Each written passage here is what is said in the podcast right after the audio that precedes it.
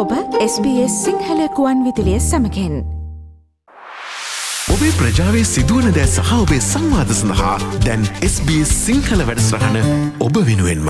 ඔස්ට්‍රලයානු මහමැතිවරණය අතළඟ. තවත් දින කිහිපයකින් මහමැතිවරණය පැවැත්වන දිනේ උදාවෙනවා. මැයි මාසේ විසියෙක් වනිද. ඉතින් මෙවර මේ මහමැතිවරණයෙන් අනතුරුව තවත් ඔස්ට්‍රලියාවේ අගමැතිවරයෙකු තෝරාපත් කරගන්නවා. ඔබ දන්නවද ඇත්තටම ඔස්ට්‍රලයානු මේ දේශපාලන ඉතිහාශය පිළිබඳව කතාබහ කරද්දි. එක්තර අගමැතිවරය කිඳල තියෙනවා එක්ද හසමසි හැට හත වසරේදී.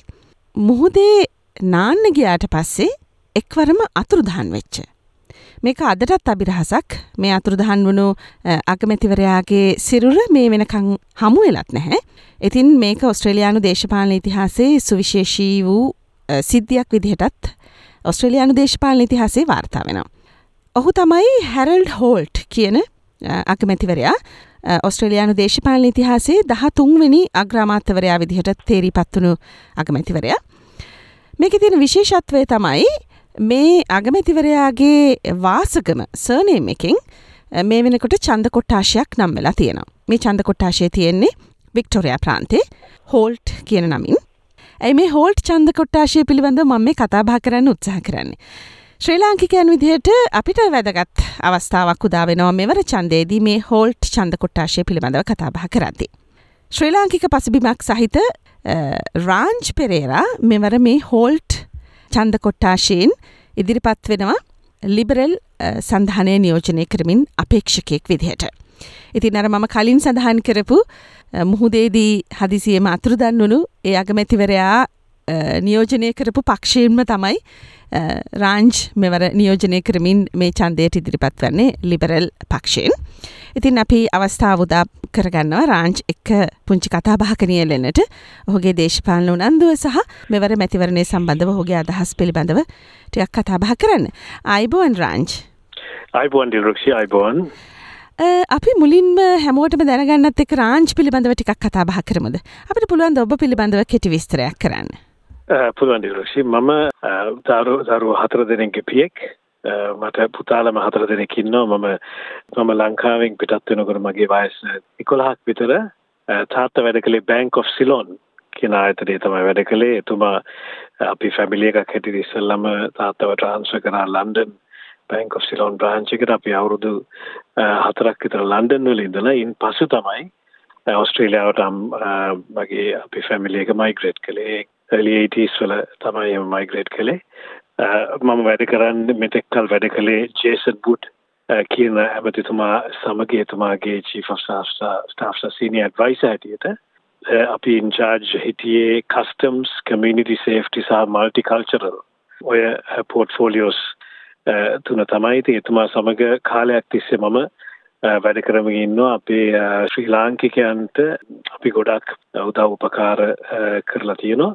මම ගොඩක් කමියුනිටි සර්විස් දේදිලා ඉන්නවා. අපි වීකයා වික්ටෝරියා කියන චරිටි ඕගනයිසේෂන් එකෙත් මම ඒක ප්‍රෙසිඩන්ට් ඒ වගේම ලයන්ස් ක්ලබ් එකකත් ප්‍රෙසිඩන්ට් අපි ගොඩක් ඒවා තුලින් සමාජයට බෙනිෆිට් වෙන චැරිටි වැඩ තමයි කරන්නේ ස්පෙෂලි මේ කොවිඩ් ලොක්ඩවුන් කාලේ අපි ඒ වගේ ගොඩක් දේවල් කළා. ඉතින් කිටින් කියනවනම් මම මේ ස්කෝලේ ගියේ මෙහේ යුනිවර්සිටි විශ්වවිද්‍යාල ගිහලා මම කමියුනිකේෂන් සහ මීඩියා සහ හිස්ටරි අංශවලින් තමයි මම මම ඉගෙන ගත්තේ. එයින් පසු මම පෞද්ගලික ආයතන වලට වැඩ කළා. ආණ්ඩුවේ ආයතන වලට වැඩ කළා. වැඩ කරමින් මගේ පෞද්ගලික බිස්නස් එහෙමත් කරලා අන්තිමට මම මොස්කොට් මොරිසන් ගවර්න්මන්ට් එකේ ජේසන් වුඩ් මැතිතුමා ගාව තමයි මම වැඩ කළේ. හොඳයි. දැන් අපි හැමෝටම යම් අවබෝධයක් ලැබුණ ඔබ කවුද කියන කාරණාව සම්බන්ධයෙන්. රාංචි දැන් ඇත්තටම මේ දේශපාලනය පිළිබඳව ඔබට උනන්දුවක් ඇති වෙන්නේ කොයි කාලෙද? ඔබ කොහොමද දේශපාලනයට අවතීර්ණ වෙන්නේ? දිරුක්ෂ ඇත්තම කියනවනම් මම පොඩි කාලේ ඉඳලා මම ඉස්කෝලේ යනකොටත් සිඩ්නි වල අපි හිටියේ සිඩ්නි වල ගොඩක් මෙහි පාර්ලිමේන්තු එකේ තියෙනවා ක්වෙස්චන් ටයිම් කියලා ප්‍රෝග්‍රෑම් එකක්. ඒ ක්වෙස්චන් ටයිම් එකේ තමයි ඔපොසිෂන් එකකින් විරුද්ධ පක්ෂයෙන් ආණ්ඩුව සහ අගමැතිතුමාගෙන් සහ ඇමතිවරු මණ්ඩලයෙන් ප්‍රශ්න අහන්න පුළුවන්. ඒගොල්ලන්ගේ පාලනය සම්බන්ධ වෙන. තාමත් ඒක හැමදාම දෙකට වගේ තියෙන පාර්ලිමේන්ට් සිටින් වීක්ස් වලදී. ඒ කාලේ සිටම මම ඕක ටීවී එකේ නිතරම මම බලනවා. මම හරි ආසයි ඔය මේ පාලිමන්ට් සෙෂන්ස් බලන්න. ඉතින් මම ඒක එන්ජෝයි කළා. ඒ කාලේ මේ ඉන්ට්‍රෙස්ට් එක තිබුණා. නමුත් මම පොලිටික්ස් වලට ගියේ නැහැ. මට යන්න එහෙම මේ අතර අවශ්‍යතාවයක් තිබුණෙත් නැහැ. මගේ යං කාලේ ඉතින් නමුත් ළඟකදී අවුරුදු 5කට වගේ ඉස්සෙල්ලා මට ජේසන් වුඩ් මැතිතුමා මුණ ගැහුණා එතුමා සමග මම ගොඩක් මම ළඟින් වැඩ කළා එතනින් තමයි මගේ මේ පොලිටිකල් ජීවිතේ ආරම්භ වුණේ හොඳ රංජ් දැන් ඇත්තටම මේද ඔබ තරගවදින්නේ ලිබරල් පක්ෂයේ අපේක්ෂකයෙක් විදිහටනේ. දැන් මේ ලිබරල් මූලධර්ම පිළිබඳව ලිබරල් දේශපාලන න්‍යාය පිළිබඳව ඔබට උනන්දුවක් ඇති වුණේ කොහොමද? ඔබ ඇයි ඒ පැත්තට යමු වුණේ? ඔව් ඒ පැත්තට යමුනේ ගොඩක් හේතු තියෙනවා. එකක් තමයි ලිබරල් පක්ෂය විශ්වාස කරන්නේ ඉන්ඩිවිජුවල් සහ පුද්ගලයෙක් සහ පුද්ගලයන් සක්සෙස්ෆුල් වෙන එක. ඒ කියන්නේ පුද්ගලයන් ඒගොල්ලෝ එක්ක බිස්නස් එකක් පටන් අරන් ඒගොල්ලෝ එහෙම නැත්නම් හොඳ ආයතනයකට වැඩ කරලා ඒගොල්ලෝ හොඳට සේවය කරලා වැඩ දියුණු වෙලා තමන් දියුණු වෙන ඉන්ඩිවිජුවල් කෙනෙක් හැටියට පර්ෆෝම් කරලා දියුණු වෙන Eh, ඒක තමයි ලිබරල් පක්ෂය මේ ලිබරල් පක්ෂය ගොඩක් බිස්නස් ස්මෝල් බිස්නස් වලට ගොඩක් සපෝට් කරන උදව් කරන අනිත් එක ලිබරල් පක්ෂය ගත්තම ඕස්ට්‍රේලියාවේ හැමදාම එකොනොමි එක eh, හොඳින් තියෙන අවස්ථාවකදී එතන සිටලා තියෙන ලිබරල් පක්ෂය. අපි සංසන්දනය කරලා බලපුවම අගේ අවුරුදු 25න් අවුරුදු 19ක් ලිබරල් පක්ෂය තමයි පාලනය කරලා තියෙන්නේ. ඒ ඒ කාලය තුල ඉකොනොමි එක ගොඩක් හොඳ තත්ත්වයේ තිබුණා. ඒ කියන්නේ උදාහරණයක් හැටියට ඩිල්රුක්ෂි මගේ මගේ දෙමව්පියෝ මෙහෙට එනකොට මෙහි ලොකු ගොඩක් ප්‍රශ්න තිබුණා. ප්‍රශ්න තිබුණා කියන්නේ ඉස්සෙල්ලම මගේ තාත්තා මේ ඇවිල්ලා බැංක් ඔෆ් සිලෝන් එකේ වැඩ කළා ඕස්ට්‍රේලියාවට ආපු ගමන් රැකියාවක් හොයාගන්න ගොඩාක් අමාරු වුණා. අවුරුද්දක විතර කාලයක් ගියා රැකියාවක් ලබා ගන්න. ඒ කාලේ රැකියාව තිබුණේ නැහැ. මගේ අම්මා වැඩ කළේ නර්සිං ඇසිස්ටන්ට් කෙනෙක් හැටියට ඒ කාලේ හම්බෙච්ච පළමුව රැකියාව. එතනදී අම්මට බස් දෙකක දුර ගිහිල්ලා කිලෝමීටර් 3ක් ඇවිදින් දුනා මේ ලැබිච්ච පළවෙනි ජොබ් එකට. ඉතින් ඒ කාලේ ඒ වගේම ඉන්ට්‍රෙස්ට් රේට්ස් ඇවිල්ලා 19යි 20යි. ඒ වගේ තත්වයක තිබුණේ. ඒ වගේම ඉන්ෆ්ලේෂන් රේට් එකත් 15ක් විතර. අන්එම්ප්ලොයිමන්ට් රේට් එකත් 12කට වැඩි ගොඩාක් ඉහළින් තිබුණේ. ඉතින් ඉකොනොමි එකේ ඒ වගේ අවුරුදු 10ක කාලයක් තිස්සේ එතකොට හිටියේ බොබ් හෝකන් පෝල් කීටිං තමයි ට්‍රෙෂරර් හිටියේ. ඒ කාලේ ගොඩාක් දුර්වල තත්වයක රිසෙෂන් එකකුත් තිබුණා ඒ කාලේ. නමුත් ඊට පස්සේ 96න් පස්සේ ජෝන් හවර්ඩ් කියන අගමැතිතුමාවෙන් පස්සේ ගොඩාක් හොඳ වුණා ඉන්ටර්නැෂනල් ස්ටුඩන්ට්ස්ලාට ඉකොනොමික් යුනිවර්සිටිස් ඇරියා PR එක ඉක්මනින්ම ලබා දුන්න ඉන්ටර්නැෂනල් ස්ටුඩන්ට්ස්ලාට ඒ වගේම පිටරටවල් වලින් ස්ටාෆ් කෙන්නන් ඉඩ දුන්නා ආයතන වලට 457 වීසා ස්කීම් එක යටතේ ඉතින් ඒ නිසා ඉකොනොමි එක ගොඩක් දියුණුවා. ඉතින් ලිබරල් පක්ෂයේ තියෙන හැම අවස්ථාවෙම මම දැක්කා ඉකොනොමි එක ගොඩක් හොඳයි. දැන් ඉකොනොමි එක ගත්තම ඉන්න අන්එම්ප්ලොයිමන්ට් රේට් එක 104යි.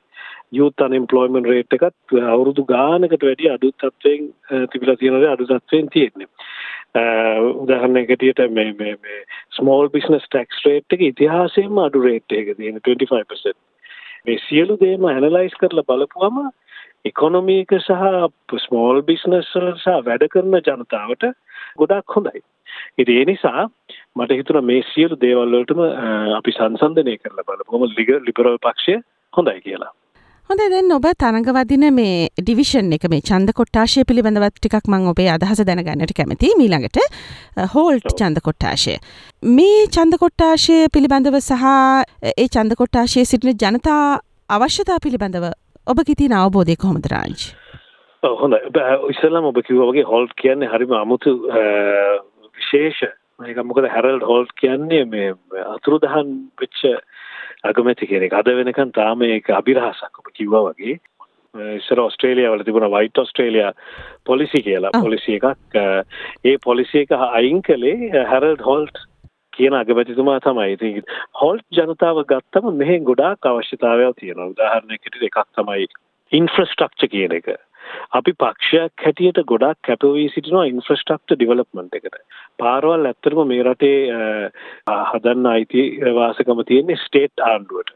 දැන් ක්ලයිඩ් රෝඩ් එක්ස්පැන්ෂන් එකට 250 මිලියන් ඩොලර්ස් විතර දීලා තියෙනවා. නමුත් ඒවා තාම හරියට කරලා නැහැ. ඉතින් මේ වගේ ඉන්ෆ්‍රස්ට්‍රක්චර් ඩෙවලොප්මන්ට් එක පාරවල් හැදීම හරිම අත්‍යවශ්‍යයි. පාරවල් ලොකු වීම හරිම අවශ්‍යයි අවශ්‍යයි මේ පැත්තේ ජනතාවට ඒකට අපි ඉස්සර ඉස්සරටත් ස්ටේට් ආණ්ඩුවට තව උදව් කරන්න බලාපොරොත්තු වෙගෙන ඉන්නවා අවශ්‍ය වෙලාවට ඒ වගේම මේ තව එකක් තමයි මේ ක්‍රයිම් මේ ක්‍රයිම් සම්බන්ධව ගොඩක් මෙහි ප්‍රශ්න තියෙනවා මේ ස්පෙෂලි ක්‍රෑන්බර්න් වගේ ඒරියාස් වල ඒ නිසා Uh, ඔය uh, අපි හැමතිස්සම කියනවා ස්ටේට් ආණ්ඩුවට මේ පොලිසියට තියෙන රිසෝසස් තව වැඩි කරන්න කියලා ක්‍රෑන්බර්න් පොලිසියට උදාහරණයකට තව ගොඩාක් රිසෝසස් අවශ්‍යයි. එතන ලොකු අඩුවක් අපිට පේනවා. අපි ඒක කියලා තියෙනවා.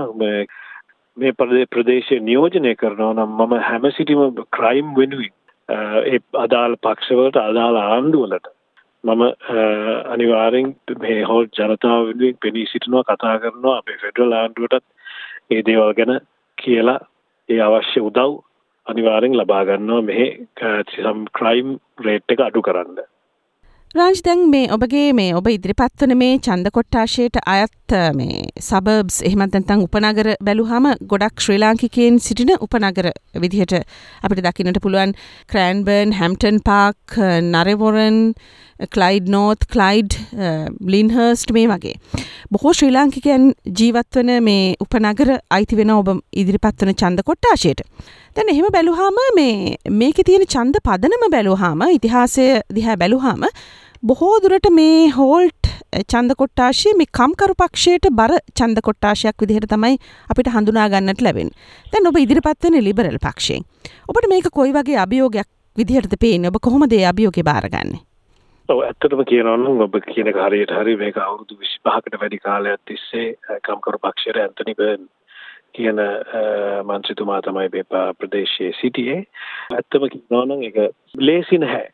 නමුත් ඇත්තටම මම බලාපොරොත්තු වෙනවා අපේ පක්ෂයේ කරලා තියෙන දේවල් අනුව අපි මේ කොවිඩ් වසංගතය මැනේජ් කරපු හැටියට මේ වගේ ඉකොනොමික් ඩිවලොප්මන්ට් එක හොඳට තියෙන තත්ත්වය අනුවට ඒ සියලු දේවල් අනුවම ජනතාව අපේ පක්ෂයේ සහ මම ගැන හිතලා බලයි කියලා. ඉතින් ඒ වගේම ගොඩාක් මම අපි ලාංකික ජනතාව සමග එක්ක ගොඩාක් වැඩ කරලා තියෙනවා. මම ජේසන් බුත් මැතිතුමා සමග වැඩ කරද්දී පළවෙනි වතාවට ඔස්ට්‍රේලියාවේ පන්සලකට අසලව ලොකු බිල්ඩිමක් හැදි 7 ලක්ෂ 80000ක ග්‍රාන්ට් එකක් ලබා දුන්නා. සිංහල ඉස්කෝලයක් අපේ දරුදරියන්ට මේ පළාතේ සිටින දරුදරියන්ට සිංහල භාෂාව ඉගෙන ගන්න ඒ වගේම මේ ළඟ ඉල මේ ගේ සුමාන දෙකකට ඉස්සෙල්ලා අපි මේ බෙරික් පන්සලට තව 1 මිලියන් ඩොලර් ග්‍රාන්ට් එකක් අපි අනවුන්ස් කළා. මම ලංකාවේ කියලා මට ඡන්දය දෙන්න කියලා මම කියන්නේ නැහැ. අපි කරලා දේවල් බලලා අපේ පක්ෂය කරන දේවල් බලලා ඔබ හිතනවා නම් හොඳයි කියලා. ඒ අදාළ විදියට මේ නමුත් ඔබ කියනවා වගේ මේක අභියෝගයක්. නමුත් අපි අපි ඉස්සරහට යනවා අපි පුළුවන් විදියට. හොඳයි. ඔබ අපේක්ෂකයා කියලා කියන්නේ ඔබ සියලුම ජාතීන්ට අපේක්ෂකයා. ඒක ශ්‍රී ලාංකිකයන්ට පමණක් ලඝු වෙන්නේ නැහැ සීමා වෙන්නේ නැහැ. මං අවසාන වශයෙන් රාංජ් ඔබෙන් දැනගන්නට කැමති දැන් ඔස්ට්‍රේලයානු දේශපාලනය තුළ ශ්‍රී ලාංකික සම්භාවයක් සහිත පුද්ගලයන්ගේ නියෝජනය පිළිබඳ ඔබගෙන් කෙටි අදහසක්. අපි විශාල වශයෙන් දකින්නේ නැහැ ශ්‍රී ලාංකිකයන් විශේෂයෙන්ම මේ ෆෙඩරල් මැතිවරණ සඳහා මධ්‍යම රජයේ මැතිවරණ සඳහා ඉදිරිපත් වෙනවා. අපි ප්‍රාන්ත මැතිවරණ සඳහා යම් ප්‍රමාණයක් දකිනවා විශේෂයෙන්ම මේ කවුන්සිල් ඡන්ද සහ නගර සභා ඡන්ද සඳහා තමයි අපි බහුතරයක් දකින්නේ ශ්‍රී ලාංකිකයන්ගේ උනන්දුවක් තියෙනවා. මේ ෆෙඩරල් මැතිවරණ සඳහා ශ්‍රී ලාංකිකයන්ගේ තරම් උනන්දුවක් දකින්නට ලැබෙන්නේ නැත්තේ. එසේත් නොමතිනම් ඉදිරිපත්වීමේ අඩුවක් දකින්නට තියෙන්නේ ඇයි කියලද ඔබට හිතෙන්නේ? මෙහෙම ඒක මං හිතන්නේ කාලයත් සමග තියෙන ශ්‍රී ලාංකික ජනතාව මං හිතන්නේ ගොඩක් 90 ගණන් වල 2000 ගණන් වල තමයි මේ රටේ ඉන්න ගාව. ඉතින් කාලයත් සමග මේ වගේ මේ වගේ කැන්ඩිඩේට්ස්ලා නමුත් ඉස්සර ඡන්දවලත් ඉඳලා තියෙනවා. ශ්‍රී ලංකන් අය ඉදිරිපත් වෙලා තියෙනවා äh, නමුත් äh, දැන් මේ කාලයක් තුළ මං හිතනවා ඒ දේ තව තව ලංකාවේ අය äh, ඉස්සරහට ඇවිල්ලා ෆෙඩරල් චාල් ෆෙඩරල් තන්දවලට ඉදිරිපත් වෙයි කියලා. නමුත් මං හිතන්නේ කියන වගේ කාලයත් සමග ඒක වෙයි. අපි ටික ටික මේ රටේ සෙටල් වෙලා අපි රටකට ඇවිල්ලා අපි ජනතාව ජනතාවක් හැටියට ඒ රටේ දියුණු වෙලා අපේ ළමයි දියුණු ඔය කාලය යනකොට ෆෙඩරල් පොලිටික්ස් කියන්නේ අර ස්ටේට් සහ කවුන්සිල් වලදී ටිකක් ඉහළම තියෙන මේක නිසා ඒ තරම්ම ලේසි නැහැ වෙන්න පුළුවන්.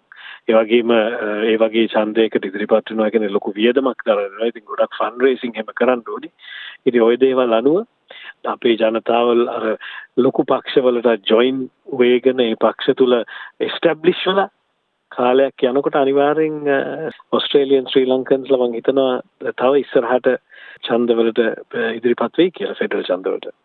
ඕ ඇත්තටම අපි මේ ළඟදිත් අපේ විවිධ මාධ්‍ය හරහා ගුවන්විදුලි මාධ්‍යයෙන් සහ අන්තර්ජාල මාධ්‍යයෙන් ප්‍රකාශයට පත් කළා මේ වෙනකොට ශ්‍රී ලාංකිකයන් දසවෙනි ස්ථානය රැගෙන තියෙනවා. මේ ඔස්ට්‍රේලියාවේ බහුසංස්කෘතික එක් එක් ජන කණ්ඩායම්වල විශාලත්වය අතින් ගත්තාම ඉතින් වර්ධනය වෙමින් පවතින ජන කොට්ටාශයක් ශ්‍රී ලාංකිකයන් කියන්නේ.